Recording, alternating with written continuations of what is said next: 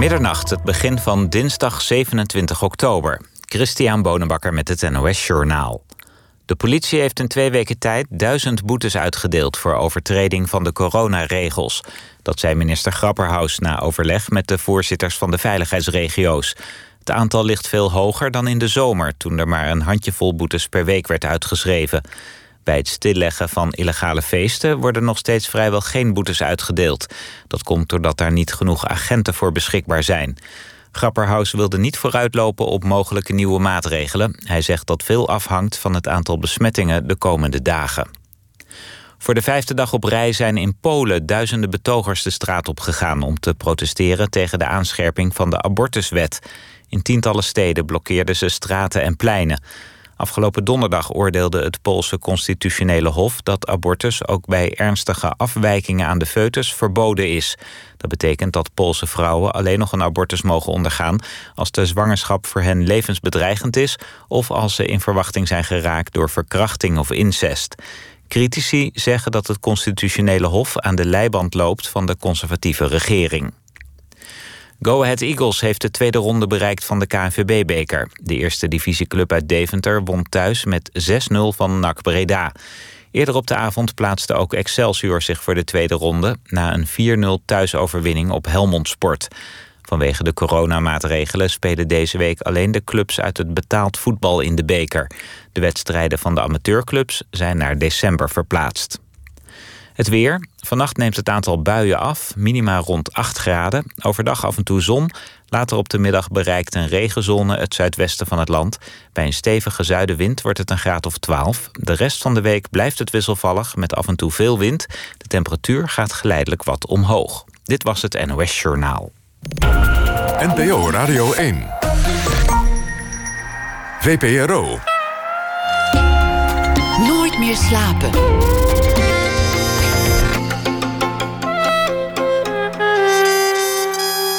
Met Pieter van der Wielen. Goedenacht en dit is Nooit meer slapen. Overdag bang en s'avonds dronken is de titel van de nieuwe bundel van Sylvia Witteman. Waar je niet meteen uit hoeft af te leiden dat de columnist die hier zojuist is komen binnenzwalken. Iedereen hier is helder, Sylvia Witteman. Al decennia de best gelezen columniste van de Volkskrant. Niet het soort columniste die meteen begint over een analyse van het conflict over Nagorno-Karabakh. Witteman schrijft veel meer in navolging van haar held Carmichelt over het alledaagse, het kleine, over haar eigen leven in de stad Amsterdam. Met kat, kinderen en een huisgenoot P. Ze wint zelden doekjes om de dingen, als het er even wat minder geordend of glamourvol aan toe lijkt te gaan. Sylvia Witteman is naar eigen zeggen telg van de minder chique tak van een wel chique familie. Werd geboren in 1965, begon ooit als schrijver van de receptenrubriek, maar dat meanderde al gauw uit in een heuse column. Sylvia, welkom. Wat leuk dat je, dat je er bent. Dankjewel, Pieter. Je, je was vanochtend al, al relatief vroeg in, in de touwen, zag ik op Twitter. Want je, je, je had alweer ruzie met allemaal mensen, geloof ik. Ja, ruzie, ruzie, is een groot woord, maar... Het lijkt tot een ruzie op Twitter. Het is, je krijgt gauw ruzie op Twitter, omdat er zitten vooral heel veel mensen op... die uh, hele extreme, uitgesproken meningen hebben. En dat, dat botst dan nogal eens. En ik neem me heel vaak voor om, om er daar maar weg te gaan. En dan kom je toch weer dan terug. kom ik toch weer terug. En dan zou je vragen waarom. Maar ik werk thuis in mijn eentje. En dan heb je wel eens behoefte aan een, aan een praatje. Tussendoor. En uh, aan een kattenfilmpje. En uh, gewoon wat gouden hoer. En dan ga je er toch weer op. En dan ga je toch weer meedoen. En dan verzand je toch weer in, in oeverloze conflicten met deze en gene. En dat is dan toch weer heel jammer elke keer. Ben jij goed in conflict? Past dat bij je? Nee, ik ben, het gekke is dat ik in het dagelijks leven ben ik nogal conflictmijdend. Nou, ik denk dat mijn kinderen dit zullen ontkennen, maar ik, ik, ik vind mezelf heel vredig en vredelievend iemand. Maar ik kan er ook niet, tegen, niet heel goed tegen onrecht. Uh, dus je spreekt je wel uit als, als iets je niet aanstaat? Ja, ik heb, ja, dat ook wel. Maar als je nu vraagt waarom doe je dat, dan heb ik daar eigenlijk geen antwoord op. Misschien wil ik me gewoon graag overal mee bemoeien. Dat zou niet zo mooi zijn. Het is ook wel mooi als je een deel van je eigen gedrag niet kan verklaren. Dat maakt mensen Ja. geloofwaardiger en sympathieker. Ja, Iemand ik die alles het- kan uitleggen. Ja, precies. Ik kan het inderdaad niet goed verklaren. Maar ehm, ik heb wel vaak zin om me met dingen te bemoeien, inderdaad. Wat was het grote onrecht hedenmorgen? Nou, hedenmorgen was er geen groot onrecht. Ik, ik vond een column van iemand goed, van die jongen, die Schimmelpennik bij ons in de Volkskrant. Die Sander. Die Sander, dat, dat had ik gezegd dat ik het een goede column vond. En toen kreeg ik van allemaal mensen op mijn kop die zeiden: ja, maar die jongen die heeft een, eh, verborgen agenda. En als hij dit schrijft, dan bedoelt hij eigenlijk dat. En toen dacht ik. Oh, nou, heb ik, het, ik heb het weer verkeerd gedaan, maar nu echt zonder, zonder enige bedoeling. Want ik ken die jongen helemaal niet. Ik weet niet of hij een verborgen agenda heeft. En ik weet ook niet of hij stiekem een babybloed drinkt of god weet wat. Maar ik vond die column gewoon wel goed. En op een of andere manier, als ik dat dan zeg, dan trekt dat de aandacht heel erg. Het mooie was dat zijn column erover ging dat, dat meningen tegenwoordig in een pakket komen. Ja, precies. Dat, dat, dat, was je nooit een, een losstaande mening moet hebben, maar dan moet je meteen het hele pakket accepteren. Ja, Dus als je ehm, tegen klimaatverandering bent, dan moet je automatisch ook tegen Zwarte Piet zijn, ik noem maar ja wat. precies. En ik, ik, ik heb helemaal niet zo'n kant-en-klaar pakket aan meningen. Eh, Nooit gehad ook en ik hoop het ook niet te krijgen. En, en dat is een lastig pakket. Want als ik dan zeg... ehm, ik, ik ben heel erg tegen dat heel hard rijden. Ik vind het heel goed dat mensen niet harder dan 100 mogen op de snelweg. Dan ben ik meteen een zure linkse trut, weet je wel. Want dan, dan zit je al meteen Dan, dan in hoor het ik kamp. meteen, dan zit ik meteen in het anti-VVD-kamp. En dan, dan hoort daar een heel pakket andere dingen ook bij. En dat is voor mij helemaal niet zo. Want ik denk over alles los na. Maar ik ben verder ook totaal onbenul hoor, politiek. Dat scheelt misschien ook wel. Dan ga je ook over alles apart nadenken. En dan zie je het niet in een heel schema. Dus als je één keer een column van Sander Schimmelpenning goed vindt, dan wil dat niet zeggen dat je zijn volledige persoon en al zijn meningen aanvaardt Nee, en want ik ken die hele en- jongen niet. Nee. Nee. Nee. Ik dacht eerst in, in eerste instantie dacht ik, die zal wel rechts zijn. Wat hij zelf ook zei eh, in die column. eh, een heleboel mensen vatten tegen dat ik eh, veel minder rechts ben dan ze op grond van mijn kapsel en achternaam hadden vermoed. En eh, dat viel mij. Ik dacht ook, hé, die is helemaal niet zo rechts. Dus dat, dat viel dan weer mee. Nou, andere, op andere momenten is hij weer wel weer rechts. En soms dan weer prettig rechts, ongetwijfeld. En dan soms weer te rechts. En soms zegt hij iets slims en soms zegt hij iets Ja. oerdoms. En dat moet hij allemaal lekker zelf weten. Ja, Kortom, weer een uur van je leven dat je nooit meer terugkrijgt. ja zeg dat wel, zeg. Ver- Verlies je, verlies je dan veel tijd? Mo- Mors je veel van je tijd op zo'n dag? Eh, nou, het gaat zo. Ik zit te, er zit een stukje te tikken. Ik tik altijd die stukjes in de ochtend. Ehm, en omdat ik heel, eh, ja, nogal nerveus van aard ben... kan ik dat niet in rust achter elkaar doen. Dus ik sta elke tien minuten op om nog een koffie te maken... of, eh, of om even naar de play te gaan... of om even op Twitter iets te doen. Dus dat gaat eigenlijk tussen de bedrijven door. En daardoor heb ik het gevoel dat ik niet heel veel tijd vermors. Maar dat is natuurlijk, dat is natuurlijk onzin. Want intussen zou ik die column misschien wel veel eerder af hebben... als ik dat allemaal niet deed. Maar ja, aan de andere kant, ik kan gewoon niet werken... als ik niet tussendoor wat andere dingen kan doen. Dus zo gaat het gewoon. En er moeten ook nog allemaal dingen gebeuren in je leven. Wat, want, want je doet er nu vijf per week al ja, zo al. ongeveer wel. Ja. En af en toe nog wat extra Ja. klussen of een langer artikel. Of, Ja. of voor de Linda schrijf je dan dingen. ja, zo hier en daar, ja.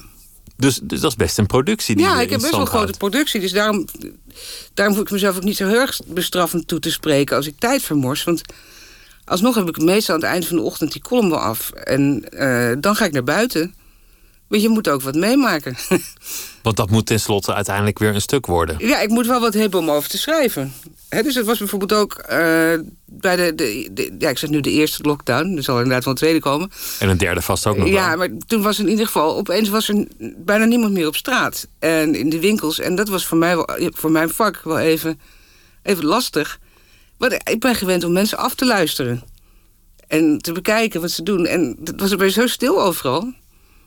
Ja, het het belandt ook in deze bundel al. De eerste lockdown, zoals die nu dan heet. Ja, de, mondkapjes komen erin. En Ja. eh, de maatregelen. En, en hoe jouw leven verandert. En dat met velen. ja. Dus het is je toch nog gelukt om het, eh, om het te doen. Ja, want als, je echt, als er buiten niks is... Ja, dat, ik kon toen ook schrijven over wat er thuis gebeurde. Hè, want die kinderen gingen niet naar school. Dat was heel grappig, want die zaten de hele dag thuis... dan zogenaamd eh, les te volgen, maar intussen... vooral heel erg tevreden en eh, spelletjes te doen. En er was iets met mijn katten, daar heb ik ook over geschreven. En ja, je kunt ook over je huishouden schrijven. Ik wil het alleen niet te vaak doen, want dan wordt het heel, heel miepig. Dan wordt het zo eh, truttig.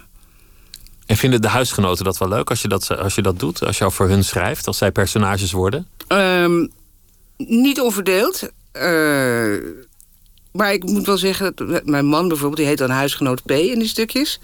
En dat is natuurlijk wel een soort eh, karikatuur van een man. Dat is niet. Het is niet echt de, de, dat de is hij niet directeur van de helemaal. persgroep. Nee, nou ja, ten eerste, mijn lezers weten waarschijnlijk helemaal niet wie hij in het echt is. Philippe Remarque, ooit hoofdredacteur, maar inmiddels... eh, en daarvoor correspondent op tal van plekken. Ja, maar ik denk serieus dat 90% van mijn lezers dat niet weet. En dat zal je verbazen, want in onze kringen, journalistiek en zo, weet iedereen dat wel. Maar ik denk dat, dat hij voor, de, voor het merendeel anoniem in mijn stukjes uh, voorkomt. Als gewoon als een, als een vader, een, een echtgenoot. Er zijn wel eens Twitterati geweest die, die probeerden daar dan eerst hem en dan vervolgens de Volkskrant en dan vervolgens de complete Nederlandse pers mee aan te vallen dat jij had geschreven dat je, dat je één keer per jaar wel eens een lijntje kook neemt. Ja. met, met manlief. Ja, ja, ja. Ja, dat is misschien naïef van me. Dat had ik misschien niet moeten zeggen toen. Um, maar ja, waarom zou je dat niet moeten zeggen? Omdat ja, iemand anders er wat van maakt? Iedereen die ik ken doet dat. Ja, het wordt, iedereen wordt oud, hè, dus dat houdt ook een beetje op. Maar dit is denk ik tien jaar geleden. En toen deden dat nog wel eens. Ik zag er niet zoveel kwaad in. Maar ik ben gewoon niet zo handig. Ik krijg heel vaak overal, overal gedoe over. Ik, ik zeg heel vaak dingen waar, waar problemen van komen. Daarom mijt ik ook een beetje de media. Want, want voor je het weet ben je weer in de problemen. ja, dan denk ik, oh god, ik heb weer wat. En dat wil ik helemaal niet. En toch gebeurt het. Je, je wordt daar niet behendig in. Of nee, maar weet je, er zijn heel veel mensen die zich laten interviewen... die zich heel vaak laten interviewen... die er inderdaad wel behendig in zijn. Die hebben een manier om hun verhaal te vertellen. Die hebben eigenlijk een heel kant-en-klaar verhaal in hun hoofd. Die omzeilen eigenlijk elke vraag die ze niet zo aanstaat. En die lullen wel, wel een eind weg. En dat wordt dan allemaal opgetikt. Maar ik vind dat altijd zulke saaie interviews. Dan ben je behendig geworden als een soort politicus. Ja, ja dan heb je een kunstje leren doen. En ik doe het niet zo heel vaak, dus ik heb het kunstje ook nooit geleerd. En, en daardoor zeg ik soms onhandige dingen. Maar ja, zoals je ooit zei, dat, dat, dat een... Uh, ja, misschien als we dat nu herhalen, dat, dat de storm weer op, oplaait. Maar dat, dat een, een hond al gauw lijkt op een uh, kind met Down-syndroom. ze ja, die real. Ja, nou ja, ik had gezegd, uh, zo'n Labrador is heel lief. En ze zijn wel heel dom, je kunt net zo goed een mongooltje in huis nemen. En toen heeft de krant daarvan gemaakt, iemand met Down-syndroom... waardoor het eigenlijk alleen maar erger werd. Want om, het, om het toch wat netter te maken, ja, deden ze dat. dat was natuurlijk heel goed bedoeld. Maar daardoor wordt het opeens een ziekte en iets heel zieligs en ergs. En nou ja, het huis was te klein in ieder geval. En, uh, en de krant was te klein. En de krant en, was te klein. En uh, ja, ik had het natuurlijk al... Handgiftig gedaan, gedreigd met een rechtszaak. Nooit iets van terechtgekomen natuurlijk. Maar... Nee, nou ja, ik bedoel het natuurlijk helemaal niet, niet lullig of zo. Maar het kwam alleen een beetje rot uit. En toen is het ook nog verkeerd opgetekend. En toen... Ja, nou, zo heb ik meer van die dingen gehad. Ik ben... Zijn mensen niet generaliserend gesproken te kwetsbaar aan het worden? Te snel beledigd? Ja, dat, dat is tegenwoordig, dat zegt iedereen en dat is ook zo. Ja, ik vind het heel, uh, ik vind het heel lastig. Ja, in mijn eigen vriendenkring heb ik, heb ik daar helemaal geen problemen mee. Daar, daar zeg ik alles wat ik wil en niemand zal denken... wat een eng mens, die, die Sylvia. Maar als, in, het, in het openbaar, in het openbare discours... is het al heel gauw verkeerd, hoor. En als wat je opschrijft... Ik, een keer had ik opgeschreven dat, dat ik met mijn dochter een fles wijn had leeggedronken. Toen kreeg ik al boze brieven van... nou ja, dochter is toch pas 17... Je mag toch geen wijn hebben? 17? Oh, je dat was het toen. Toen ik dacht even dat je ging zeggen dat ze 7 was. Of, of, nou, dat was, dat was wel inderdaad merkwaardig geweest. Dan was ja. enige ophef op zijn plaats geweest. Maar ze was 17. En, nou ja. En daar kreeg ik dus al, uh, daar kreeg ik al gedoe over. Maar er komt overal gedoe van. Hoe ga je daarmee om als je toch eigenlijk conflictvermijdend bent en, en, en er komt weer gedoe? Nou, dat vind ik heel vervelend. Ik heb toen met het gedoe over die, over die Labrador daarna heb ik uh, een, een, maand extra vakantie genomen. Want ik, ik, ik vond het verschrikkelijk. Dat vrat aan je? Ja, vooral omdat ik, nou, ik... Ik had al helemaal geen interviews gedaan. En nu had ik dat interview toch maar genomen. Want het ging over huisdieren. En toen dacht ik, nou, nou kan ik toch een keer eindelijk geen kwaad. Dat moet toch wel, wel goed gaan. Dat moet, het gaat over katten en honden, dat, dat moet goed gaan. Niet over politiek en, of...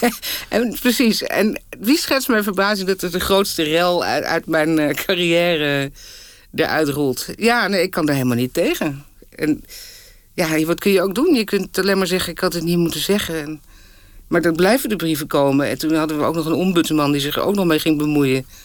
En uh, de hoofdredacteur. En, en waarom veroorzaakt dat zo'n stress? Wat, wat, wat maakt dat los? Ja, jij, gaat, jij denkt wel even wat borreltafelpsychologie. Ja, denk ja dat, dat, is precies wat ik dacht. Ik dacht, hier, hier, ga, ik, uh, hier ga ik toestaan. Want je, nou, want je zou toch op een punt kunnen komen dat je denkt... nou ja, ja kan mij het schelen. Ja. het alweer over, het gaat niet over mij. Een heleboel mensen, ik denk dat heel veel mensen graag doen alsof het ze niet kan schelen. Maar dat iedereen het eigenlijk wel echt vervelend vindt. En het is ook nog zo... Ik heb een beetje een, een, een nare jeugd gehad waar ik erg gepest ben. En nou ja, ik wil niet zeggen trauma... maar dat komt dan wel weer een beetje boven. Als ik allemaal brieven krijg van... Uh, nou ja, met, met veldkanonades en dat soort dingen. Ja, maar echt heftig hoor. Echt uh, nekschot dit, nekschot dat. En uh, Ja, dat, dat komt hard aan. Dat is, maar goed, ik denk dan, ja, ik heb ook iets lulligs gezegd. Het is mijn eigen schuld. Um, maar na een paar dagen hoop je dat het over is. Maar als het dan doorgaat, dan, ja, dan is dat wel vervelend. Maar dat gevoel uit je jeugd er niet te mogen zijn... dat kan dus zomaar ineens nog boven komen drijven op zulke momenten. Dat, dat, zit er nog. Ja hoor. Kom, kom je niet overheen. Je, je, schreef, je, je schreef in, in je laatste column, of die daarvoor, daar wil ik even vanaf zijn... dat de, de mondkapjes, de wegwerpmondkapjes niet geschikt zijn om uh, je doos mee af te vegen wanneer je publiekelijk geplast hebt. Ja, publiekelijk? Nee hoor, in de bosjes ergens. In de bosjes, ja. ja, dat, de, de publieke ruimte, toch? Ja, ja precies. Ja. Niet publiekelijk. niet, ergens op een plein of zo. Nee, niet, niet op de Dam. nee, ik was paddenstoelen zoeken ergens in het gooi. En toen moest Niemand heeft het gezien. En ik had alleen een mondkapje. Ja, wat moet je? En dat absorbeert dus niet. Nou, dan weet je het ook. maar je, je durft dat wel op te schrijven? Ja, dat durf ik dan weer wel. Omdat ik ook denk, ja, dit is heel erg ik denk dat heel veel vrouwen dat kennen. Dat je ergens buiten bent en dat je moet pissen... en dat je dan denkt, oh, waar nu, waar nu is mee afdrogen dan? En toen dacht ik, ja, dan, ik denk dat heel veel vrouwen denken... nou, dat mondkapje dan maar. En toen dacht ik, dan waarschuw ik ze even... dat je het beter niet kan doen. Dat is wel grappig dat je, dat, je geen gêne hebt over alle dingen die in je, in je leven loshangen, rafelen, minder fraai zijn. Dat, dat, dat, merk je nooit. Het is zelfs een deel van de charme eigenlijk van zo'n bundel maar dat, is toch geen schande dat je in het openbaar moet wateren? Ik vind dat, dat doen mannen toch ook? Ja, zeker. Maar, maar dat, dat is niet, je gaat niet vervolgens een column schrijven over waar je je pik mee afveegt. Nou, ik zou er toch ook wel met belangstelling kennis van nemen. Maar ik dacht eigenlijk dat mannen hem gewoon een beetje uitschudden. Dat is meestal wat. Nou, zelfs dat uh, geloof ik dat, dat innovatie zou zijn. Maar. Ja. Heb, heb je wel eens iets opgeschreven waarvan je later dacht: oei, nu, nu ben ik te ver gaan, had ik dat nou maar niet gedaan? Um, ik geloof niet in een column, nee. Misschien wel, wel dus in een interview, maar dat is dan... Dat is het nadeel van een interview. Je, schrijft het niet zelf. Je hebt geen controle daarover. Je hebt geen controle. Je, je praat wat en dat wordt dan opgetikt door een ander. En daarom heb ik dus een hekel aan. Um, maar ik geloof niet dat ik in een column ooit iets... Nee. Nee, eigenlijk niet. Maar daar kan ik ook rustig over nadenken. Dan kijk ik nog eens na. Of jij, als jij iets kunt bedenken... Nee, nou, ik, kan, ik, kan, ik kan me dingen bedenken waarvan je later denkt... oh god, heb ik dat opgeschreven, maar... Ja, nee, maar ik, van mij waarvan jij dacht... wat Nee, maar ik ga je niks aanpraten. Dat, dat, is, dat is niet... Uh, Oké. Over, over waarmee, uh, waarmee je je afveegt, dat, dat zou mij... Dat zou je... Ja, daar zou, daar zou ik persoonlijk gêne over voelen, denk ja. ik. Ja, gek is dat, hè? Dat heb ik dan weer niet, terwijl ik verder een heel gegeneerd iemand ben. Is dat zo? Ja, ik zou bijvoorbeeld niet graag over uh, vertellen over dingen over seks of zo of zo. Nee, over seks zwijg ik eigenlijk, over het algemeen. Wordt, wordt het ook vaak niet leuker van als je, als je het publiek maakt? Nee, dat vind ik ook. En ik vind seksscènes in boeken vaak ook verschrikkelijk gênant. Echt zo erg dat ik, dat ik zit te blozen terwijl ik het lees. Terwijl ik 55 ben en drie kinderen heb en alles heb meegemaakt. Maar dan nog denk ik, alsjeblieft, laat dat. Doe dat niet. Schrijf dat niet op. ja, gekke. Grappig. Gaat het je eigenlijk makkelijk af, het, het, schrijven? Zit je verlegen om inspiratie of, of heb je eigenlijk inspiratie te over?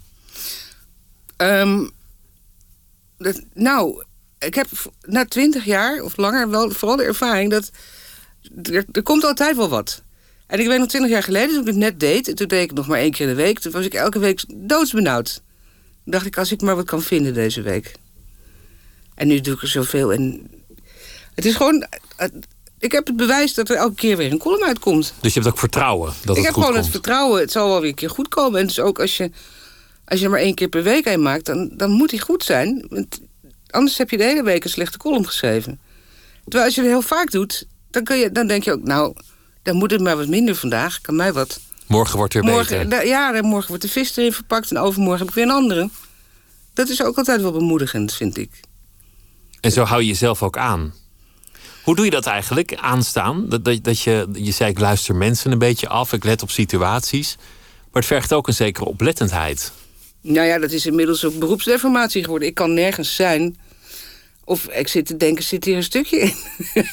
Echt waar ik ook ben. En ook op, vakantie. En uh, ik neem in de zomer altijd drie weken vrij, van de krant in ieder geval. En dan zit ik vaak de hele eerste week nog...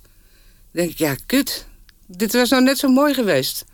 En die kan je nu niet gebruiken. Dat kan ik nou niet gebruiken. En dan tik ik het er wel op in mijn iPhone. Dan heb ik zo'n notitieblokje. En dan, uh, aan het eind van de vakantie... dan kijk ik wat daar, wat daar nog van over is, weet je wel. Want soms verdampt zoiets ook zomaar. Hè? Maar, maar noem eens een voorbeeld wat, wat je dan meemaakt dat je meteen aangaat. Ja, ik, ik, ik sta altijd aan. Ik ga niet. Het is gewoon. Ik heb altijd antennes van. eh, wat gebeurt. Ik heb ook heel goede oren. Ik heb heel slechte ogen, maar heel goede oren. Ik kan ook echt ver in een menigte wel horen nog wat er gezegd wordt. En. eh, maar ik heb geen voorbeeld. Nee, er zijn op een dag wel twintig dingen, altijd. Wel twintig dingen waarvan ik denk, oh, dat is misschien wat. Wat mij bij deze bundel opviel is, is dat de, de, de stad Amsterdam nog altijd aan het verruwen is. Ja, dat valt mij ook op. Ja. Dat, dat is nooit tot een halt gekomen. Je zou op een gegeven moment nee. denken, nu is de bodem toch wel bereikt. Maar dan, Nee, dan blijkt er toch weer een laagje onder te ja, zitten. het is heel erg. En ik, ik ben tien jaar geleden teruggekomen. De- We hebben heel veel in het buitenland gezeten. Tien jaar geleden ben ik teruggekomen naar Amsterdam. En toen ging het nog wel. Maar in de afgelopen tien jaar denk ik elke dag, jezus. Maar zinloze scheldkanonades van mensen over, Ja, over en- alledaagse dingen, vuilniszakken, weet ik het. Ja, maar echt hoor. Echt, een paar weken geleden lag er opeens een heleboel vuilnis op mijn, in mijn portiek. En met een briefje erbij, eh, ja, dat moet je in een vuilnisbak gooien, in de container. Het was helemaal niet eens van mij, het was van iemand anders. Dat is iemand blijkbaar bij de container gevonden. En er zat een envelop bij met een huisnummer. Maar die had, hij had de cijfers verwisseld. En toen kwam, was het bij mij terechtgekomen. Allemaal in mijn portiek gekwakt.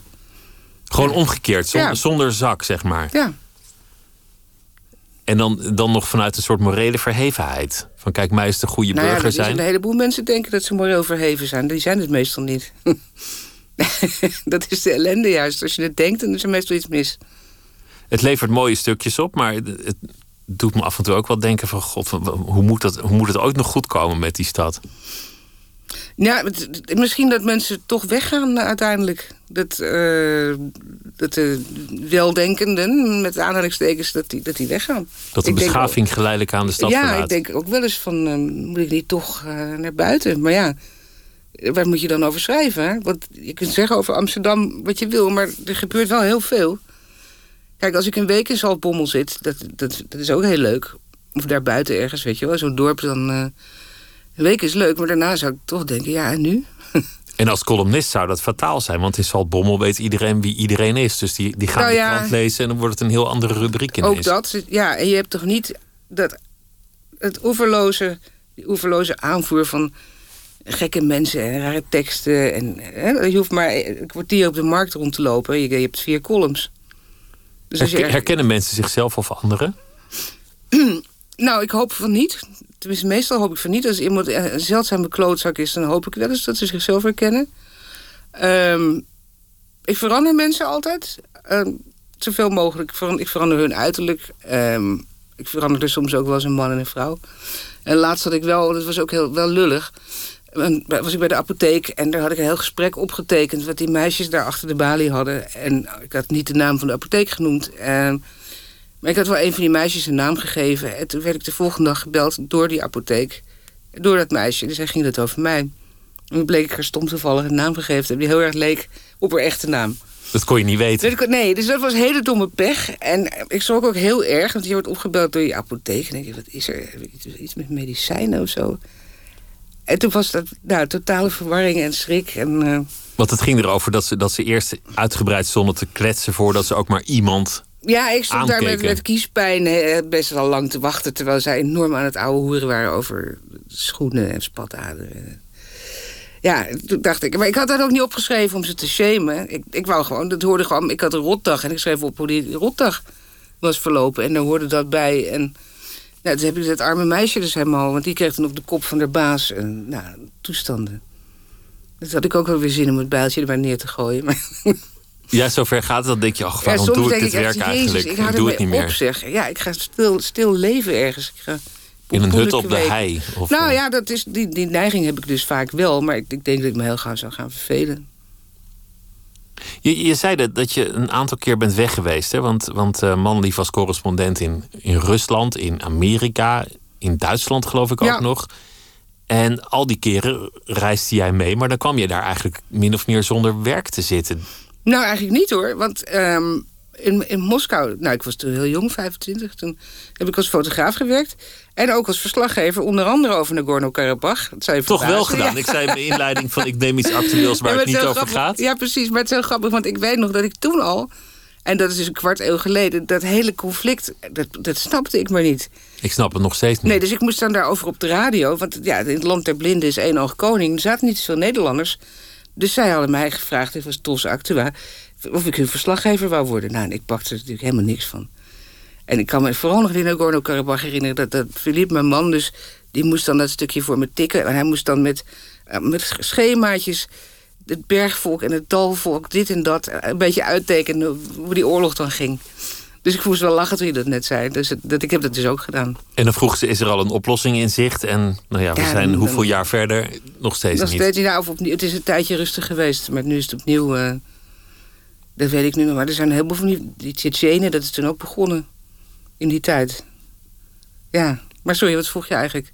Nou, ik Ja. was benieuwd hoe dat was als je daar was. Maar ik, ik dacht, Ja. dan, dan ben je de vrouw van. Maar dat was dus nee, niet nee, zo. nee, nee, ik was ook fotograaf en ik deed dat dus. En toen later in Berlijn, toen, toen had ik drie kleine kinderen, de een na de ander. Eh, Dus toen had ik, heb ik ook niet zo heel veel erbij gedaan, maar ook wel columns gemaakt al.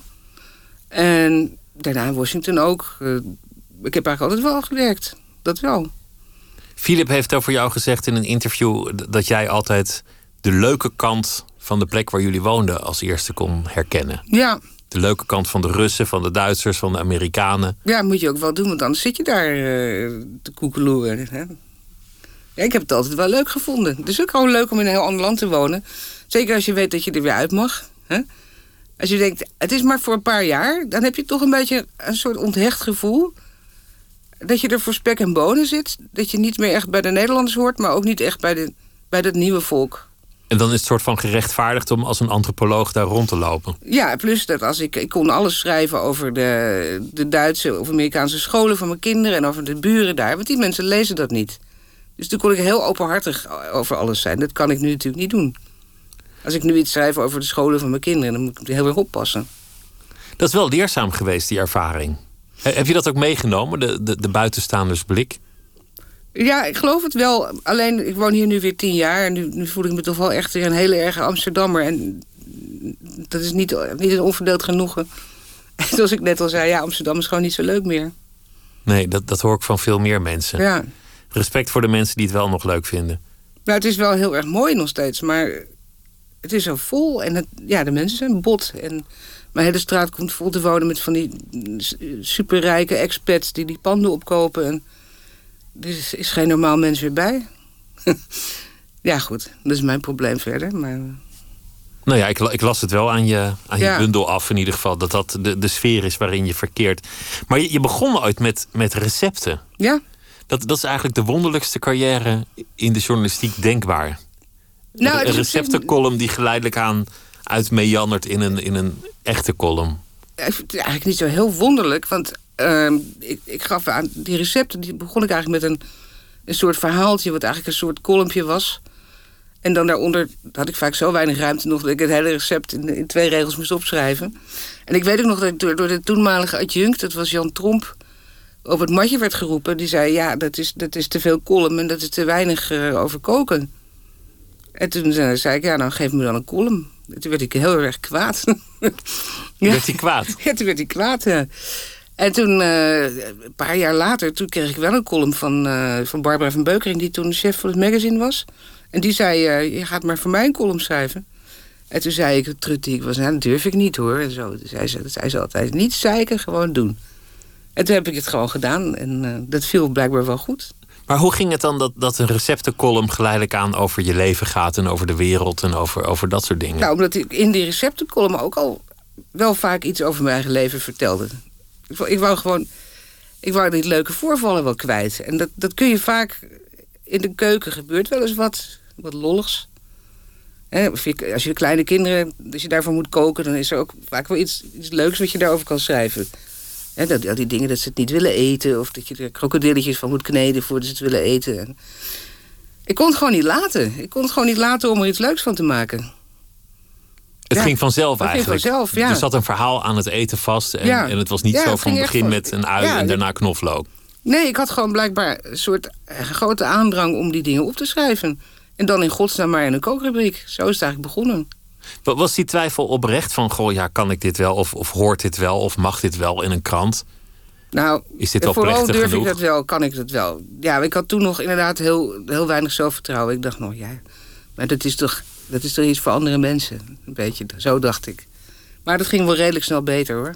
Want als, je, ja, als mensen het allemaal leuk vinden... Ja, dan ga je het... Dat zal wel goed zijn. Dan, dan ga je, ermee zal wel- door. Ja, dan ga je er toch mee door. Ja, ik denk ook... Na een tijdje ging ik denken, ja, als het echt kut was... dan hadden ze me toch wel ontslagen inmiddels. Ja, Ik vind vooral het contrast leuk tussen aan de ene kant Jan Tromp... die een soort woedeaanval krijgt als je zelfs maar voorstelt dat het een column moet worden. ja dat vond ik ook En aan de andere kant eh, Barbara van der Beukering... die, die, die zegt van eh, niet zeiken, gewoon doen, je Ja, er kan zat dit. wel een paar jaar tussen, hè? En met, met Jan Tromp ben ik inmiddels goed, hoor. Maar dat is wel, wel gek dat het toen zo... eh, Dat dat contrast er is. Ja, ik denk ook wel een beetje... Dat, dat is ook wel iets van seksisme zat er denk ik in, hoor. Ook van... je moet niet denken dat je met je receptjes... dat je dan hogerop kunt of zo. Het was best een seksistische tijd, hoor, toen nog. Bij zo'n krant, dat was wel een beetje een macho omgeving. Ja, dat was echt wel, ja, hoor. Ruwe jongens. En ik kreeg ook wel van die, van die kaartjes van, eh, van Pieter Boertjes. Van, eh, ik ben je grootste fan hoor. Maar het was ook altijd een beetje. Mijn meisje toch. eh, ja, dat, dat was niet toen- het echte werk. Want als je dan wel iets had geschreven over Nagorno-Karabakh... dan had je waarschijnlijk meer applaus gekregen binnen de krant. Ja, behalve dat ik daar geen ene flikker van af wist. ja, nee, maar goed, inderdaad. Die kook- kookrubrieken werden niet, eh, niet zo serieus genomen natuurlijk eh, toen. En misschien nog steeds niet. En sowieso werden vrouwelijke columnisten ook niet, zo- niet zo serieus genomen als nu, denk ik. Dat was toch wel een beetje een damesdingetje dan. Ja. Voor wie net inschakelt, Sylvia Witteman... die is hier eh, te gast vanwege een nieuwe bundeling... van al haar stukken die ze schrijft voor de Volkskrant. En we hebben het al gehad over, eh, over hoe die stukken tot stand komen... en, en de aard van, eh, van, van haar dagelijks leven. Overdag bang, s'avonds dronken heet, eh, heet die bundel. Je, je, je vertelde iets over onzekerheid en gepest worden toen je, toen je klein was. Je, je hebt het wel eens omschreven als de minder chique tak van een wel chique familie. Ehm, Vind, ik- vind ik een leuke omschrijving. ik ben dat, een minder ziek. Nou ja, goed, maar, maar ehm, Ben jij in je eentje de minder chique tak? Nou, misschien wel. ja, mijn grootvader... eh, nee, mijn grootmoeder was Andriessen. Dat is, een, De componistenfamilie. ja, de componistenfamilie. En mijn grootvader, Witteman... die was eh, nog een tijdje minister vlak na de oorlog. Dus dat was wel, een dat was wel min of meer elite. Hoewel... eh, Want Paul Witteman is dan een oom van jou. Ja, dat is een broer, de jongste broer van mijn vader. Maar goed, mijn opa die was wel de eerste zoon uit een leerlooiersgezin. De enige die mocht studeren, weet je wel. Dus het gaat niet terug tot de middeleeuwen of zo, hoor. Onze, Het is niet echt adel. Nee, helemaal niet. Nee, het heeft niks met adel te maken. Maar dat was wel in de tijd in Haarlem was, was dat een, een goed geziene familie, weet je wel. Die ging dan om met Godfried Bomans en zo. Maar ik heb daar allemaal niks mee met die dingen. Dat, eh, Het interesseert je niet. Je hebt, je hebt geen trots daarvoor voor die. Voor die... Nee, ik heb sowieso nooit begrepen waarom iemand trots zou zijn op iets wat hij niet zelf eh, bewerkstelligd heeft. Ik begrijp ook nooit dat de ouders trots op hun kinderen zouden zijn of zo. Trots zijn kun je alleen op iets wat je zelf hebt gedaan, toch? Net zoiets als, ik ga me ook niet schamen voor iets wat ik niet heb gedaan. Dat lijkt, me, dat lijkt me heel wijs. Maar, maar dat was dan waarschijnlijk ook een heel katholieke familie. Ja, heel katholiek, ja. Nou, mijn ouders geloofden al niet meer. Dus, dus jij, bent, jij bent niet meer mee geweest naar, naar missen of wat Jawel, dan want ook. mijn vader was organist in de kerk. En ik ben ook nog gedoopt. Ehm, maar ik ging dus wel mee naar de kerk. Maar dat was, dat was toen alleen maar heel gezellig. Ik kreeg dan een, eh, in de pastorie een plak cake van de zuster Irene. En mijn vader kreeg een borrel van de pastoor. En ik mocht naast hem zitten op het orgel. Maar ik mocht niet aan de knopjes komen. dat, eh, ik heb van die hele, dat hele Roomse alleen de leuke dingen meegekregen. En je vader hield wel van een borrel. Nou, nog steeds wel hoor. Ja, hij leeft ook nog. Maar daar, daar heb je wel eens over geschreven dat als hij thuis kwam, dat hij, dat hij niet altijd meer helemaal helder Nee. was. Nee, als je heel klein bent, dan, dan heb je dat niet door, hè? Als kind. Hij was een hele lieve vader. Je hebt natuurlijk dronkaards die, die hun kinderen gaan slaan of zo. Of die agressief zijn, maar dat was hij helemaal niet. Dat was altijd lief. Wat was zijn dronk dan? Waar, waarin uitte zich dat? Nou, hij viel meestal gewoon... Hij was vriendelijk en eh, gezellig. Hij speelde piano, er waren vaak vrienden. Ook veel muziek. En uiteindelijk viel hij dan op sla- in slaap op de bank. Dat was het eigenlijk. Niet, niet zo helemaal schokkend voor mij. Daar heeft verder niemand echt last van dan. Nou ja, mijn moeder, mijn moeder dacht er natuurlijk heel anders over. En die, mijn ouders zijn ook gescheiden toen ik een jaar of twaalf was. En eh, mijn vader heeft daarna nog wat andere gezinnen gesticht ook. Dus, uh, maar het is... Uh, dus je hebt allemaal halfzussen en halfbroers ja, nog, nog rondlopen? Ik heb een halfbroertje van twee. Oh. ja, of drie is hij inmiddels. Ja, ja leuk hè? Dus dat is dan ook gebeurd met een vrouw die jonger is dan, dan jijzelf? Ja, ja. Ja, het kan raar lopen. Het, lijkt mij doodvermoeiend, maar mijn vader uh, leeft het nog steeds. En uh, hij komt vanavond eten. het is ook wel goed als iemand nog in het leven staat. Ja, zeker. Heel goed, ja. En waar, waar kwam jij terecht na de scheiding? Ging je met, met de vader of de moeder mee? Ik bleef bij mijn moeder, want ik was, ik was 12. En mijn vader die had een vriendin van 19. Dus dat was misschien ook niet echt handig. Dan had het arme mensenpees met drie, drie pubers opges, uh, opgescheept gezeten. En ik zag mijn vader in de weekends, maar dat was toen normaal hoor. Dat, dat, hele co-ouderschap, dat had je toen nog niet. Dus, dus redelijk rommelig mag ik het omschrijven? Ja, maar ja, de jaren zeventig hè. Het waren hele rommelige tijden. Ik weet niet hoe oud jij bent. Ja, jij bent ik ben van 74, dus oh, ja, dan, ik, heb het allemaal vanuit mijn wieg afkeurend ja. gadegeslagen. Maar in de jaren 70, ja, iedereen ging toen scheiden. Want mensen wilden zich opeens manifesteren. En uh, ze waren allemaal gefrustreerd. En al die modetermen. En uh, ja, dat, uh, al die arme vrouwen die waren natuurlijk nog van die tijd... die waren nog grootgebracht met het, met het idee van... er zal altijd een man voor je zorgen. En dat ontplofte toen massaal. Dat werd, er werd overal gescheiden. Dat was een spoor van ontredderde vrouwen daar in Overveen en Bloemendaal, waar ik toen woonde. Was je moeder ook ontredderd? Ja, absoluut. Ja hoor. Nou ja, net wat ik zeg. Kijk, als, je, als ik nu ga scheiden, dan is dat heel jammer. Maar ik kan voor mezelf zorgen. Ik heb een inkomen. En uh, ik weet zelf hoe ik de verwarming moet ontluchten. En de, de vaatwasmachine repareren. Maar in die tijd konden vrouwen dat allemaal niet. En dan moest je maar blij zijn met een beetje alimentatie. En, en, en maar kijken. Ik zou nu ook geen vaatwasser kunnen repareren, maar, nee, dan moet maar je een YouTube-filmpje kijken. Echt waar? ja, ik kijk van alles YouTube-filmpjes, heel makkelijk. En dan zie je gewoon, oh, het verwarmingselement ja, is kapot. En ik nou ja, dan, dan, zit er, dan zit er een, een dopje van een pinda in, uh, in, het, in het pompje of zo. En dat haal je dan er dan uit. En dan, dat is heel leuk hoor. Zelfredzaamheid. Is dat je ook echt meegegeven door je moeder? Van zorg dat je zelf redzaam bent? Helemaal niet. Nee, dat heb ik pas later gekregen toen ik met een man trouwde die dat soort dingen allemaal niet kon. Die dat ook niet kan. Die, die ook, geen vaatwassers repareert. Nee, dus ik ben thuis aan nog, uh, nog de handigste. Nou, ik heb nu ik heb een zoon van 19 die ook wel handig is. Dat is ook wel handig, kinderen krijgen. Want die worden groter en dan, uh, dan kunnen ze je helpen. En terwijl thuis het gezin explodeerde... werd je op school ook nog eens getreiterd. Ja. Ja, dat was heel jammer allemaal. Wat, wat, wat heeft je op de been gehouden? Hoe, uh, hoe, hoe, ging je daarmee om? Hoe overleef je dat? nou ja, toen, toen ook al uh, de beruchte humor als noodsprong. Hè. Ik, ik werd een soort klasclown, uh, klassenclown. En um, ik maakte mensen aan het lachen. En, en ze lachten wel, ondanks dat ze je naar het leven stonden? Nou ja, je krijgt dan steeds meer medestanders. Hè? Mensen die je leuk vinden, die zullen je dan ook helpen. En uiteindelijk, toen ik een jaar of 16 was, toen was ik heel cool. Dus ik heb me er een beetje uitgered met humor eigenlijk. Dus dat, uh, ook dit is voor de eenvoudige borrelpsycholoog... Uh, gevoelens fressen natuurlijk.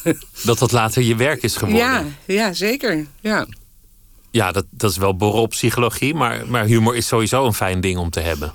Ja, daar ben ik ook wel heel erg mee opgegroeid. Het was bij ons thuis al heel belangrijk. Uh, met mijn broer en zus is dat ook. En met mijn eigen gezin is dat ook nog steeds heel erg belangrijk nou, er zijn mensen die zeggen dat ze humor belangrijk vinden. Zijn het vaak verschrikkelijke mensen. Maar het moet wel gezegd worden dat het voor mij heel belangrijk is. Nou, de volgende keer als je weer ophef hebt en iedereen boos op je is... dan kan je troosten met de gedachte dat de meeste mensen die zo boos zijn... het niet hebben. Want dat, dat is vaak wel de rode draad erin. Dat is vaak wel de rode draad, ja. Er zijn ook een heleboel mensen die het niet hebben. En dat vergeet ik wel eens. Dat is het. Dat is het. Je, gaat, je gaat denken dat iedereen min of meer zo is als jezelf. Ehm, maar dat is niet zo. Nee, mensen nemen alles letterlijk. En zeker, zeker in, in geschreven woord. Ja. Dat komt een beetje door de protestantse traditie, denk ik. Dat iets dat in letters op papier staat... een soort plechtigheid moet hebben. Nou ja, dat was natuurlijk ook heel lang... Ik heb zelf ook heel lang respect gehad voor alles wat gedrukt stond. Hè? Dat is eigenlijk gebleven tot, tot internet... Uh, en nu, nu hoef je niets meer te geloven en nergens meer respect voor te hebben. Maar in de tijd was iets wat in de krant stond. Het was echt nog wat hoor. Dat was waar. Dat was waar, ja. Of in een boek ook, jongen. Een boek, een boek. Als je helemaal een boek had, dat was wat. Ben, jij, ben jij heel erg opgevoed met boeken? Was je, was je een, een lezer al toen je klein was? Oh ja, ik kan me niet eens herinneren dat ik niet kon lezen. Ik kon heel klein al lezen. En ik heb uiteindelijk veel te jong ook de hele boekenkast van mijn ouders verslonden. Dat was natuurlijk een heel gemeleerde toestand die erin stond. Van Sartre tot Carmichelt uh, en Elschot en uh, rare Californische fotoboeken. En ik heb alles doorgeworsteld. Gewoon uit leeshonger. ja. En Carmichelt is wel echt belangrijk voor je gebleven. Ja, zonder die man was ik helemaal nergens gekomen. Zeker. was, was dat al toen je, toen je tiener was dat dat aansprak? Of, ja, of misschien zelfs jonger? nog. Daar, ik denk toen ik, toen ik jaar of zeven, acht was... toen las ik al die las ik de boekjes waarvan het omslag mij het meest aantrok. Bijvoorbeeld met een poester op. Of, uh, of een ander leuk tekeningetje. En dan ging ik dat lezen en dan begreep ik natuurlijk de helft niet van. Maar op een of andere manier sprak het me dan toch aan. En dan herlas ik het nog eens. En... Het is wel leuk dat, dat er een soort verwantschap is in jullie thema's, en de stijl. humor en de ja, stijl. Ja, heel erg. Ja hoor, ik heb echt heel veel aan hem te danken. Bij hem was het misschien iets meer het café. Bij jou is het meer, meer straat en apotheek. Ja, nou ja, die, die leuke cafés zijn er ook haast niet meer, hè? Die echte Amsterdamse cafés waar iemand een neus komt halen. Nee, die zijn nou ja, weet je, er zijn er wel een paar van die cafés die nog heel graag pretenderen dat ze dat zijn. Maar die zitten ook alweer vol met van die, van die uh, ja, van die zeilproleten die dan met hun bootje door de grachten eh, aanleggen. Ja, dat zijn niet die, niet die oude mannetjes zijn er niet meer. Die, die zijn uitgestorven. Dat is wel jammer. Ja. Het heeft Carmichael zelf wel een tijd in ieder geval, heb ik een keer gelezen, gefrustreerd dat hij, dat hij niet een groot romanschrijver is geworden. Um, nou, gefrustreerd. Nou, hij heeft een roman geschreven, trouwens. Niet, niet een hele goede. Nee, een hele slechte. Ik heb, ik heb hem toevallig en ik, heb, ik krijg hem niet eens uitgelezen. En toen dacht ik, ja, dat is toch echt wel... Die man is gewoon niet voor de lange baan geschikt. Net als ik dat zelf ook niet ben. Of althans, dat denk ik. Ik heb ook geen enkele aanvechting om een roman te schrijven. Nooit gehad ook? Nee, nee, eigenlijk niet. Nee, nou, wat ik op te schrijven zou hebben... dat zou dan eventueel over mijn jeugd gaan. En over mijn ouders. Maar ja, dat is dan weer voor mijn ouders niet leuk. Dus... Uh... En ik denk ook, er worden al zo ontzettend veel romans geschreven... en de meeste zijn zo slecht. Toch? Ja. Soms zijn ze ook heel erg goed. Ja, soms Die zitten wel. er gelukkig ook nog tussen. Ja, maar ik ben zo bang dat ik dan twee jaar van mijn leven ga zitten werken aan iets wat niet goed is. Dat lijkt me zo naar. Als jij gewoon heel veel van die, van die alinea's achter elkaar plakt, dan wordt, Ja. het, wordt het vanzelf samenhangend en dan, dan heb je al een betere roman geschreven dan de meeste. Ja, ik weet niet hoor. Want als je die hele bundel achter elkaar leest, dan denk je ook, nou, dan weten we het wel hoor. Het is trouwens, het is trouwens niet zo, want, want dat, dat lijkt ik dan te impliceren dat een roman hoger staat Nee, dat, dan een bundel korte verhalen. Dat vind ik ook. Ik denk, ieder zijn genre toch? Het is gewoon niet mijn genre. Ik wil gewoon iets maken wat, wat om twaalf uur klaar is, s ochtends. En ik wil niet... Wat, je moet ook ontzettend veel zelfdiscipline hebben, hè? Als je zo'n roman wil schrijven. Zoals Peter Buwalda. Jezus, die zit daar maar urenlang te tikken. Ik zou dat helemaal niet kunnen. En dan, en dan liep hij alleen naar de voordeur om de Thaise maaltijdbezorger Ja. open te doen. En toen zei die Thaise maaltijdbezorger na, na maanden... weet je dat er heel veel suiker en E-nummers in zitten. ja, dat is het bestaan van een romanschrijver. Ja, dat is, dat is een eenzaam leven, hoor. Nou- wat, je, wat je nu doet ook al een klein beetje. Ja hoor, dat is ook redelijk eenzaam. Nou, ik heb wel vrienden, maar geen honderden of zo. En ehm, ik merk ook wel, als je wat ouder wordt, dan, eh, dan krijg je ook steeds meer behoefte aan rust. Een minder feest, minder lawaai. ja, minder. En al die, dat, dat doorzakken en die excessen, ik moet er niet meer aan denken. En van die vreedfestijnen met, met z'n vijftienen, dan ben ik een week kapot. Ja, dat, dat is wat de jaren doen. Ja hoor, wacht maar. Over tien jaar dan, eh, dan zie ik jou nog wel. Dan denk je ook, als, alsjeblieft. Hè. Ik ben er wel. Ja. Wat, wat, eh, wat was het moment dat je zelf bent gaan, gaan schrijven? Of deed je dat ook vanzelf altijd al? Ehm, nou, ik, ik schreef op school natuurlijk graag opstellen. Dat, dat was eigenlijk het leukste, vond ik. En daar kreeg ik altijd hele goede cijfers voor. En toen hadden we natuurlijk later eh, de schoolkrant ook wel. Maar die geweldige drang, zoals jonge mensen dat hebben... weet je wel, in uh, Vos, Voskoud bij nader inzien... Van die studenten die allemaal willen schrijven... en het, het briefromans willen uitwisselen. Dat had ik helemaal niet. Ik weet nog in mijn eerste jaar, ik studeerde Nederlands... daar wilde iedereen in mijn, in mijn jaar wilde schrijver worden, behalve ik. Het leek me helemaal niet leuk en ik dacht, je verdient helemaal niks. Dat is ook zo, je verdient natuurlijk niks. Tenzij je een bestseller hebt, maar Hoeveel mensen hebben een bestseller? Ik kende vroeger wel schrijvers in het café die dan al een beetje de status van schrijver op hun eigen revers plakten. Ja, voordat ze nooit- ook maar een letter hadden geschreven. En dat, dat, kan je niet, dat kan je niet eeuwig volhouden, is gebleken. Na tien jaar gaan mensen toch denken: waar Ja. blijft dan dat boek? Waar blijft dan dat boek? En dan stel je, je produceert één roman die redelijk verkoopt. Hè, en dan gaat iedereen wachten op je tweede roman. En die tweede roman is bijna altijd veel slechter. Hè? Er zijn een heleboel mensen die hebben echt net één roman in zich. En die hebben ze er dan uitgeperst. En dan gaan ze de rest van hun leven in Café de Pels voor zich uit zitten kijken. Van, misschien komt er nog wat. Met zo'n broeierige blik. Het lijkt me echt verschrikkelijk. Ja, als je het zo vertelt, lijkt het me eigenlijk, Ja. ook, eigenlijk ook Ja, verschrikkelijk. weet je hoeveel mensen in Nederland kunnen leven van, van wat ze verdienen met schrijven? Dat zijn er echt maar honderd of zo. Puur van schrijven, hè? Er zijn natuurlijk een heleboel die lezingen houden en, eh, en dat soort dingen. En eh, dagspreker of dat soort gruwelijkheden. Maar puur van schrijven, dat zijn er maar heel weinig. Nee, en dan, en dan moet je nog boeken schrijven over, over, over bepaalde hondenrassen. Zijn Ja, we weer bij die hondenrassen. Ja, maar dat, als je een boek schrijft over de, over de Labrador, dan kan je nog wel wat verdienen. Ja, of er zijn ook wel van die, eh van die thrillerschrijfsters natuurlijk. Eh, Internationaal en nationaal, die, ook, die het ook heel goed doen. Maar dat kan ik al helemaal niet, zo'n plot verzinnen. Ik heb geen idee. Wat, was jouw eh, plan toen, toen je nog niet ging schrijven? Toen je nog niet had columnist was? No-. Nooit een plan Nee. gehad? Nee, hij was wel wijsgemaakt in de tijd dat ik ooit zou trouwen en kinderen krijgen. Dat wel. Dat bleek nog waar ook trouwens. Maar er werd bij ons Maar dat thuis... is nog steeds geen plan, toch? Nee, maar er werd, er werd bij ons thuis bij de meisjes niet de nadruk opgelegd dat je, dat je ook echt een beroep zou hebben. Dat was eigenlijk niet, eh, ging het niet zo om.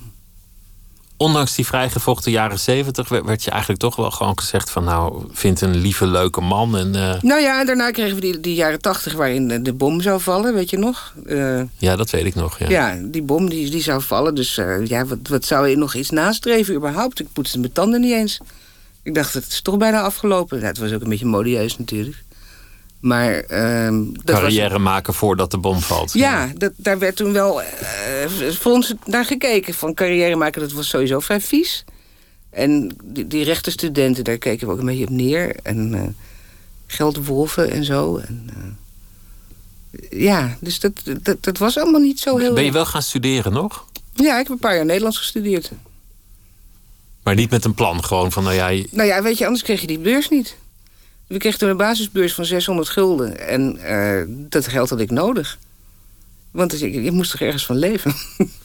en pas later dacht ik, ja, het is ook wel heel weinig. Dus daar ben ik er wel baantjes bij gaan doen. En eh, eh, onder andere als kok. Ehm, Vandaar dat je zo goed kan koken en, en een receptenrubriek kreeg later. ja, ik heb ook heel veel kookboeken gelezen uit pure verveling toen ik in Moskou woonde. Er was niet zoveel daar. Er was nog geen internet. En waar, waar ben je huisgenoot P tegengekomen?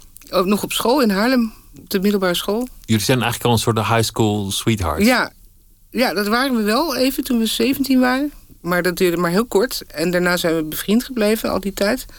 En toen we 25 waren, toen, eh, toen zijn we weer. eh, toen raakte het weer aan. Ja. Maar inderdaad, ik ken hem al ontzettend lang.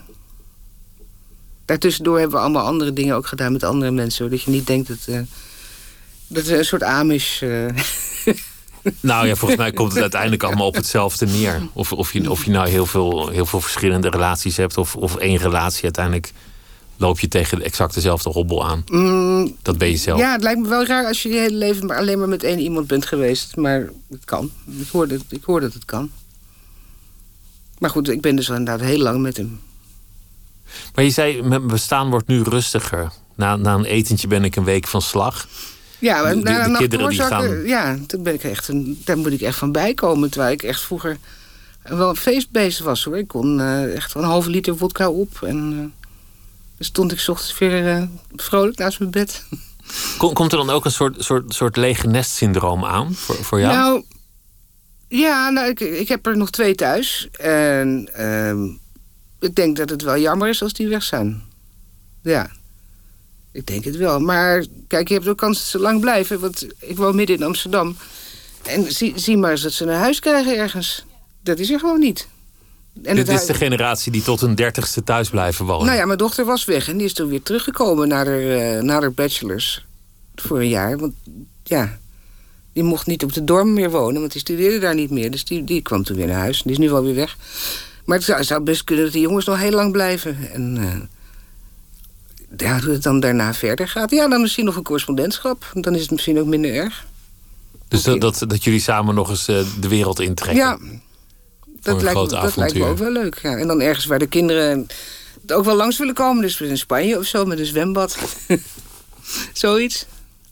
Is, is er inmiddels een gevoel van trots? Want, want, je, want je, op die bundel staat dan een lijst met titels die je gemaakt hebt. En een, een deel recepten, deel columns. Maar dat zijn zo'n 30 boeken of zo. Niet waar. Nee, hoeveel, hoeveel dan? Ik, ik dacht twaalf of zo. Maar oh. ik, ik, let er nooit zo op hoor. Maar, maar het, is, het is heel veel ja, inmiddels. Ja, ja, dat is inderdaad best veel. Ja, maar ik heb natuurlijk ook nog daarvoor en daarna allemaal andere dingen gedaan. Maar 30 niet. Nou ja, whatever. Maar heb je, heb je inmiddels een soort gevoel van trots en terugkijken? Of, of ben je nog elke dag naar het volgende stuk aan het ploeteren? Dat, dat laatste. Nou, niet ploeteren, maar ik heb helemaal geen gevoel van. Uh, wat een fantastisch oeuvre heb ik hier. Het zijn toch maar het zijn stukjes. Het zijn soms best leuke stukjes, maar het is natuurlijk niet zoiets als een mislepende trilogie of zo, uh, zoals Buwalda dat doet. Maar je hebt, je hebt een enorme fanbase. Je staat altijd bovenaan, want, want ze hebben inmiddels bij die Volkskrant ook een soort hitlijst van wat het meest gelezen wordt. En dan, dan sta jij altijd hoog. Ja. Die Sander Schimmelpenning schijnt ook altijd hoog te staan, omdat het ophef uh, veroorzaakt. Ja, dingen die ophef veroorzaken staan altijd hoog. Maar het is ook zo, mensen willen heel graag lachen. Mensen vinden, zelfs mensen die eigenlijk een beperkt gevoel voor humor hebben, vinden het nog leuk. Om dat er toch iets te lachen ja, valt. dat er toch iets te lachen valt. Ik denk dat dat voor heel veel mensen een, een heel sterke drive is. Dat ze die hele krant door hebben geworsteld met al die ellende. En dat ze dan denken op het eind, ha, daar hebben we een witte man. En dan weet je tenminste zeker dat er in ieder geval wel een glimlach is. Dat het even grappig wordt. Dat het even grappig wordt, ja, er zit vaak ook wel iets zieligs in. Maar er is meestal wel in ieder geval één keer iets te lachen. En dat vinden mensen heel belangrijk. Ik krijg ook heel vaak brieven van mensen die zeggen: Ja, uh, stukjes hebben me door mijn scheiding geholpen, door mijn chemotherapie, um, door mijn hernia. allemaal mensen die zeggen: Bedankt voor dat je me daardoorheen hebt geholpen. En dan ben ik altijd wel een beetje trots als ik dat lees. Ik heb juist een keer gehoord dat lachen met een hernia ongeveer het laatste is wat je moet doen. Ja, dat zeg je inderdaad, dat is waar. Ik kreeg ook een keer een brief van iemand die inderdaad met gebroken ribben lag. En die zei, ik lig hier met gebroken ribben. En ik Weet je hoeveel pijn dat doet? Ja. ja, maar zelfs daar was ik ook wel weer trots op. Hoe, hoe, is, het, hoe is het dan voor jou om, om fans te hebben? Accepteer je dat makkelijk? Jawel, maar ik ga niet met ze koffie drinken of eten of zo. Want ik heb er wel die dat willen. Maar je geniet ook al van de anonimiteit dan? Ja, ik vind het heel prettig om anoniem te blijven. Ik, ik vind, het, ik vind het heel moeilijk om uh, dan met zo iemand af te spreken. Ook als ik met iemand heel veel uitwisselingen heb gehad per mail of op Twitter. Als ze dan zeggen, ja, ik ben in de buurt, zullen we koffie drinken? Dan schrik ik daar meteen van terug. Dat wil ik echt niet. Daarom is Twitter ook zo'n ideaal medium, omdat het, dat het die afstand al bijna ja, in zich draagt. Ja, ik vind het heel prettig dat je, dat je die afstand houdt. En dat je eigenlijk niet een heel persoon bent, maar alleen je gedachten. Dat, dat vind ik makkelijk. Je, je, hebt ook wel, je hebt ook wel veel volgers op, ja, op, op nou, dat, dat, medium. Is hetzelfde. Ik denk ook, omdat mensen denken dat, dat ah, er is vast wat te lachen. Als ze een paar keer aan het lachen zijn gemaakt, dan, dan blijven ze je volgen natuurlijk. Maar het is ook wel eng, want je hebt dan ineens invloed. Dan gaan mensen dingen doen omdat jij het zegt. Of dan. dan uh, het nou, ik zeg nooit, gelukkig heb ik helemaal... Ik zeg nooit iets wat mensen moeten doen, behalve... Eh, maar, maar mensen koop deze het. broodrooster niet, want dat is een kutding. Of uh, ja, bereid je sudderlappen zus of zo. Maar ja, ik geef dus geen opdrachten om baby's te gaan villen of zo. Uh, godzijdank. Baby's villen, nee. Ja, nee, dat nee of andere enge dingen. Nee, maar ik, ik, die invloed die ik heb, daar, ik heb helemaal geen enkele behoefte om daar gebruik van te maken. Laat staan misbruik. Dus, dus je, ondanks dat, dat je succes hebt verkregen, kun je het enorm relativeren en, en leef ja, gewoon heb, je leven als een ambacht. Ja, ik, ja, precies. Ik heb helemaal niets daarmee met, uh, met de roem. En inderdaad, ik, dat, dat werk wat ik doe, dat is, dat is inderdaad een ambacht. Dat vind ik ook. En ik vind het wel fijn dat ik het goed kan. En dat mensen het leuk vinden. En dat is het dan. Ja. Ben je, ben je niet bang dat je er te goed in wordt? Um, ja, dat het heel erg routine wordt. Ja, dat je gewoon ja. weet hoe het werkt. Van, je begint hier en dan ga je daar en dan heb ik nu dit nog nodig. Ja, nou daar ben ik niet echt bang voor. Want ik heb ook wel verschillende genres, stukjes. Ik heb dan de ene keer heb ik uh, iets wat ik op straat meemaak... en dan weer iets wat ik thuis, wat er thuis in het gezin gebeurt... of, uh, Of iets met heel veel sfeertekeningen. Ik heb wel verschillende stijloefeningen. Dat vind ik ook wel leuk om, uh, om af te wisselen. Ook wel eens een polemiekje. Dat vind ik ook leuk. Ja, als je maar elke keer een beetje anders stramine... Ik heb denk ik wel twintig verschillende straminen. Niet dat ik dat zo uitteken, maar dat, dat bedenk ik nu. En dat wordt toch niet gauw een sleur dan? In, in de film Soof was, was eigenlijk min of meer een, een personage op jou gebaseerd. Ja. Nou, was jij ineens, dus, ja, dan hadden ze er wel van alles bij bedacht. En een, een, een, echtscheiding en, en, en heel veel sociaal ongemak. Maar ineens ben jij een, een filmpersonage? Nou, zo voelde ik dat niet hoor. Maar in je, in je stukjes ben je natuurlijk net zo goed als huisgenoot P ook een soort personage. Ja, ja, natuurlijk. Ik ben ook een personage. Ik, ik zeg ook altijd, mensen zeggen wel eens, ik weet alles van jou. Ik weet alles van jullie. Dan zeg ik, nee, je weet misschien 10 procent. En de, de, de rest... Het is, ook, het is ook fictie geworden. Het is een soort gedroomd leven dat je erbij hebt. Ja, nou, het meeste is wel echt. Maar ik laat natuurlijk heel veel weg. Ik schrijf alleen datgene op wat ik, wat ik kwijt wil. En de dingen die echt belangrijk zijn voor mij... die, die gaan niemand wat aan. Of althans, niet in die mate... Nee, dit gaat niemand wat aan. Tenzij ik er iets leuks over kan schrijven. Maar ik heb, er zijn ook columnisten die echt altijd maar hun diepste verdrieten willen delen en zo. Dat heb ik nou ook niet. Dat denk ik, ja, dat, dat hou ik wel voor mezelf. Het gaat jullie allemaal niks aan. Het, lijkt, het lijkt wel prettig als je, als je een leven leidt met gemakken en ongemakken, dat je, dat je altijd ook nog een uitlaatklep hebt dat je er fictie van kan maken. Ja, daardoor kun je zelf ook vaak je problemen wat relativeren. Als je er zelf een grappig stukje over kunt schrijven, dan kun je daarna ook denken, nou, zo erg was het ook niet. Want ik kan er een grappig stukje over schrijven. Dus als je een heel erg rotdag hebt gehad... en je kan dat een beetje geestig opschrijven... dan is het meteen minder rot. Dan valt er nog wat te lachen. Dat geldt ook wel voor deze bundel... waarin dan de, de coronacrisis ineens naar voren komt. Ja. Het, het, sluipt, het sluipt de bundel in... zonder dat je een grote analyse geeft... of, of in, in geweeklaag vervalt... Hm. Maar gewoon de kleine verandering. De eerste keer dat er een mondkapje wordt opgedaan, die, die heb je dan toch maar opgetekend. Ja, dat zeg je nu, dat heb je opgetekend. Dat is, nu kun je het opeens als een soort chroniek zien. Maar ja. dat is natuurlijk niet Ik zo. Ik vond het een leuk element aan ja, deze bundel. Ja, dat is gewoon vanzelf. Als je het dagelijks leven opschrijft, dan, dan komt dit soort dingen er natuurlijk vanzelf in. Maar jij zat eigenlijk altijd al een beetje in lockdown. Ja, een vrijwillige lockdown. Ja, ik, ik, zit, nou, ik ben wel heel veel buiten hoor. Ik zit niet altijd, altijd in mijn werkkamer, maar. Uh, ja, ik ben wel een beetje een kluizenaar. Ik ben wel veel alleen, ja. Goed dank. Goddank. Ja. En dan lekker een wandeling en, en, en, dan even ruzie op Twitter. Ja, maar op een kantoor werken, dat lijkt me echt verschrikkelijk. Ik zou me niet kunnen concentreren tussen al die mensen. Nou, volgens mij heeft iedereen dat ook, de mensen die er wel werken. Ik hoor ook heel vaak, het is inmiddels al een cliché geworden... dat mensen zeggen, ik doe thuis zoveel meer in zoveel minder tijd. En ik dacht dat altijd al. Ik, ik produceer echt best veel. En in, in, vijf uur, zes uur per dag of zo. Dus uh, veel meer dan mensen op een krant doen waar ze acht, negen uur zitten. Dat geloof ik graag. Ja. Nou, gefeliciteerd met het nieuwe boek. Ondanks dat het uh, waarschijnlijk niet heel feestelijk gepresenteerd zal zijn in een, in een vol café met, uh, nee, maar met heel veel bekenden. Dus, uh... Nou, ben je daar ook vanaf. ja. En dank je wel dat je langs wilde komen. En ik wens je heel veel plezier met alles dat nog verder gaat komen. Het was, was leuk om je te nou, spreken. Wel. Sylvia Witteman, dank je wel. Dank je wel. Morgen is Nooit meer slapen er weer. En zometeen op deze zender kunt u luisteren naar uh, Miss Podcast. Misha Blok gaat in gesprek met uh, zangeres Lakshmi. Onder meer over uh, het thema huidhonger. Nooit meer slapen is terug te luisteren via de site van de VPRO. VPRO.nl slash Nooit meer slapen. En er is een podcast voor wie die nog niet regelmatig hoort. Is die te downloaden. Ook via de site van de VPRO. Of via iTunes of andere kanalen. Een hele goede nacht en heel graag weer. Tot morgen.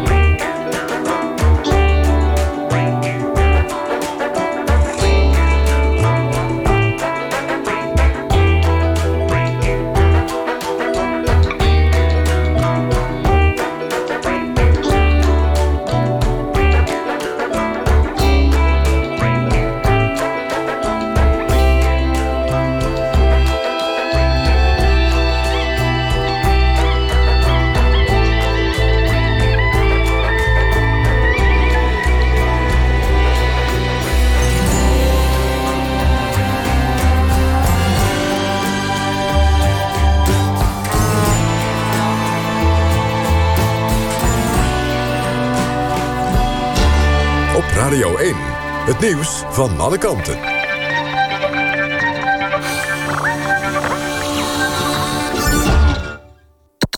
NPO Radio 1.